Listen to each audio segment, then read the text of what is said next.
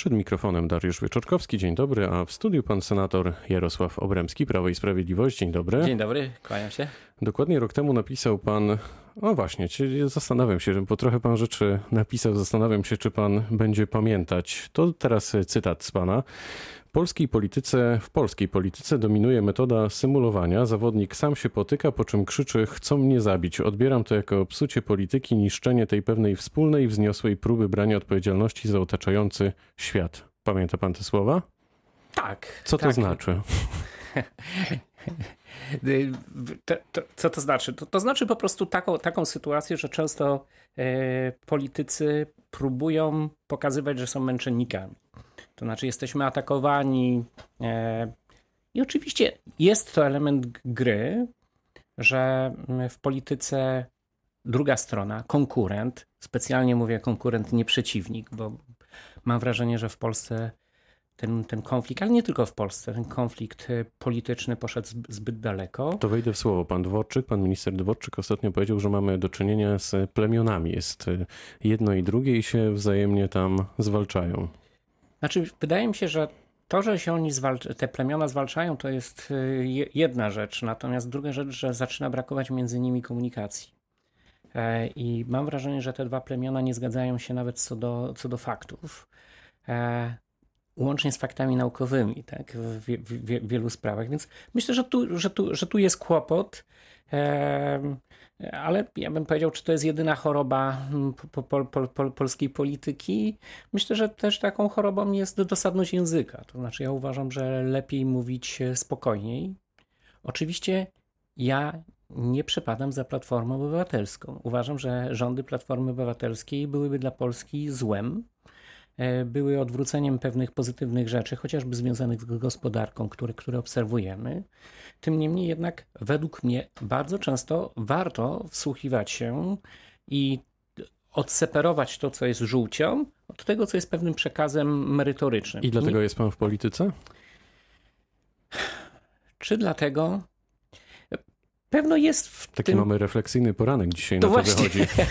Myślałem, że ostry pojedynek przedwyborczy, ale pewno jest to związane z czymś takim, że w latach 80. angażując się w działalność e, opozycyjną, w pierwszej fazie zrezygnowałem z jakiegoś uczestnictwa w polityce i pamiętam, że Dolegius Wenko bardzo mocno mnie zganił i powiedział, że jak się jest w opozycji, to jest się po to, że kiedy jest szansa, to się idzie po władzy i próbuje się ten świat porządkować. I to mi jakoś bardzo mocno zostało, że, że być może jest jakiś grzech zaniechania, kiedy można, a się ustępuje.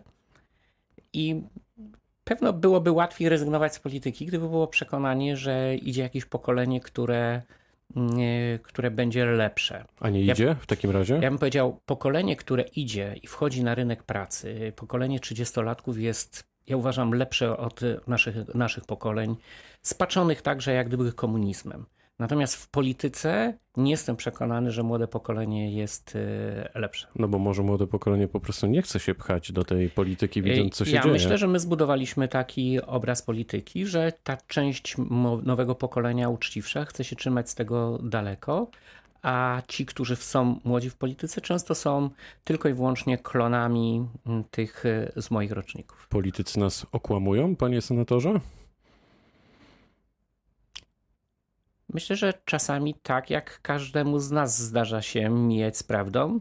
Natomiast nie uważam, że to jest jak gdyby rzecz, rzecz nagminna. Myślę, że to nie jest też do końca tak, że ludzie w polityce świadomie kłamią. To znaczy, to jest często, zwłaszcza w kampanii wyborczej, tak mocne zaangażowanie emocjonalne, że, że oni w to wierzą. Utożsamia z zupełności z tym, co, co jest przekazem dnia jednej czy drugiej, dru, dru, drugiej partii. Nie chciałbym powiedzieć, że, że politycy to szczególnie ta wada to jest jak gdyby kłamanie. Nie, to chyba nie tu. Czyli mieszczą się w normie, taki wniosek wyciągam. Gdyby miał pan zdiagnozować obecne potrzeby Polaków, to co by pan wymienił? E, bym powiedział tak. Po pierwsze, zdecydowana większość Polaków chce utrzymać pewne poczucie, że ten rozwój, który był w ostatnich 30 latach, jest sprawiedliwie dzielony. I mam wrażenie, że ostatnie 4 lata troszeczkę to pokazały. Ta redystrybucja 500, wyprawka, e, próba ułatwienia wejścia na rynek pracy e, młodym ludziom. Być może to jest też związane z tym, żeby ci młodzi, biedniejsi mieli możliwość i studiowania, i, i pracy łatwiejszej, itd., tak itd. Tak Więc to jest takie coś, co bym nazwał e, sprawiedliwością społeczną.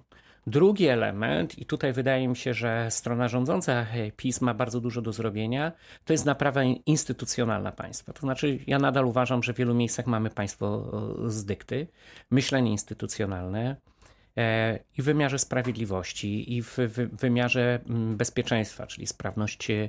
E, to zatrzymajmy się e, przy wymiarze sprawiedliwości. Podoba się panu ten kierunek zmian, reform, które dyktuje pan minister sprawiedliwości Zbigniew Ziobro?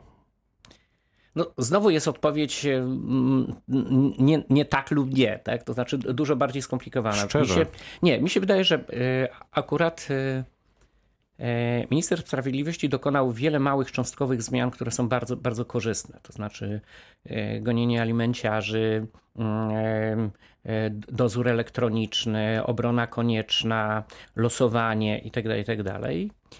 I próbował przeprowadzić Według mnie, analizując porażkę mm, Jarosława Gowina w poprzednim rządzie, że nie uda się tego zrobić ewolucyjnie, że trzeba wywrócić e, stolik także e, kadrowo. I na razie, jakbym powiedział, tutaj skuteczności w, tym, w tej dużej jak gdyby reformie z, z, y, nie ma. Po części wyszło na moje, tak? To znaczy, jeżeli chodzi o cofnięcie z, panią, z panią Gensdorf i, i, i tak dalej.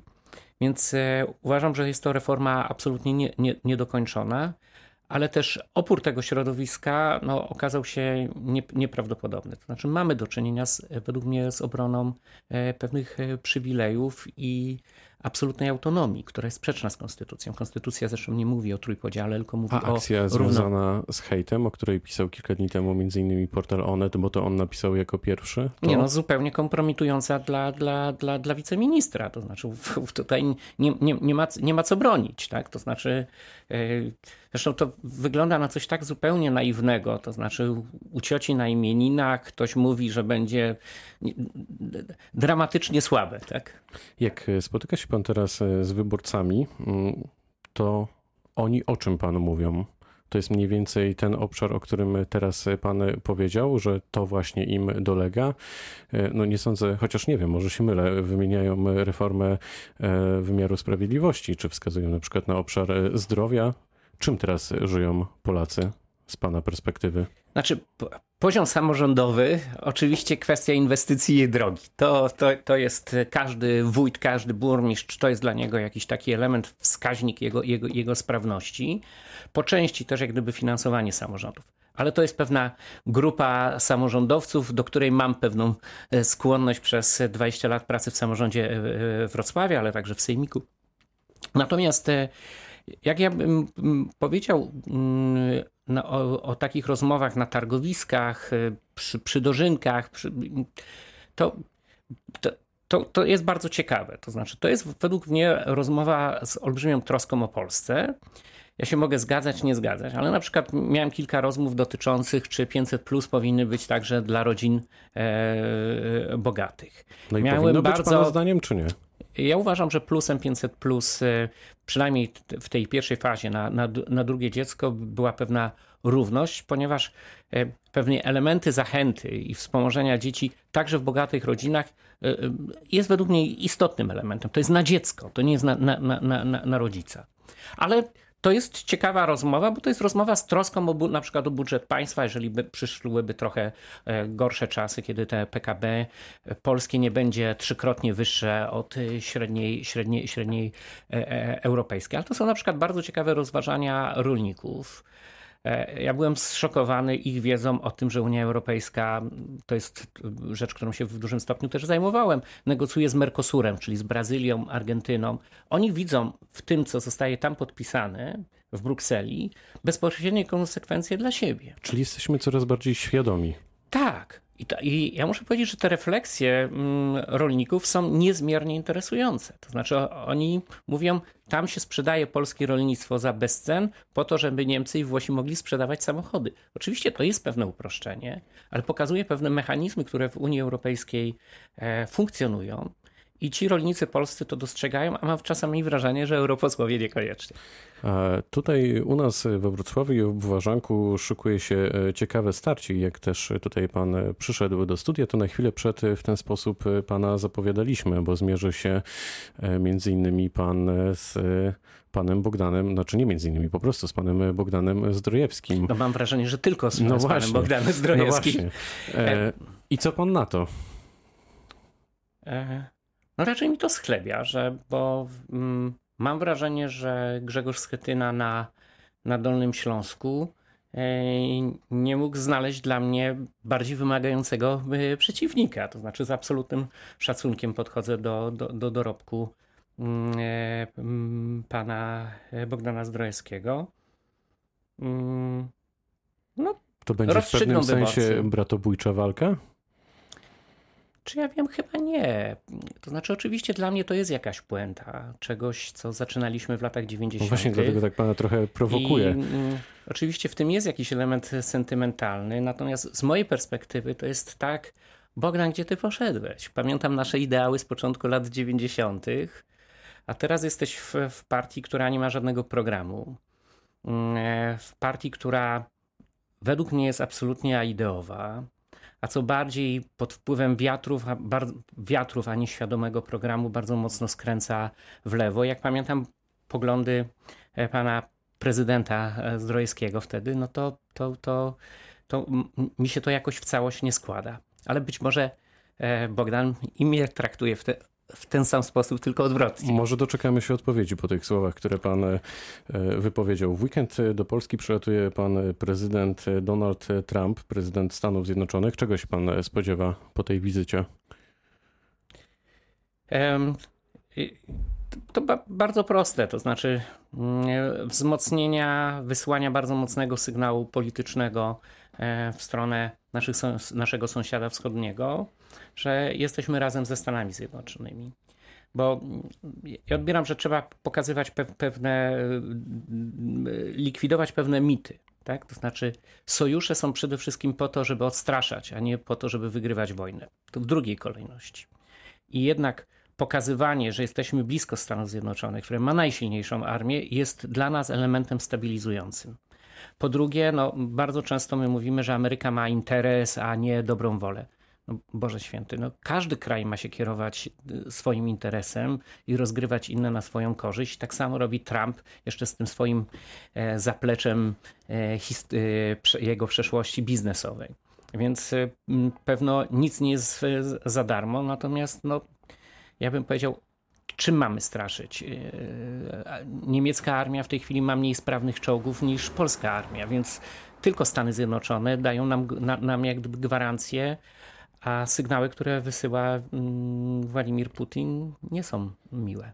Mamy 30 sekund, e, a jeszcze chciałbym e, poprosić o komentarz a propos e, braku zaproszenia dla pana Donalda Tuska na obchody 80. rocznicy wybuchu II e, wojny światowej. Rzecznik prezydenta pana Andrzeja Dudy tłumaczy, że były premier nie jest e, przywódcą żadnego państwa. Jak pan to odbiera?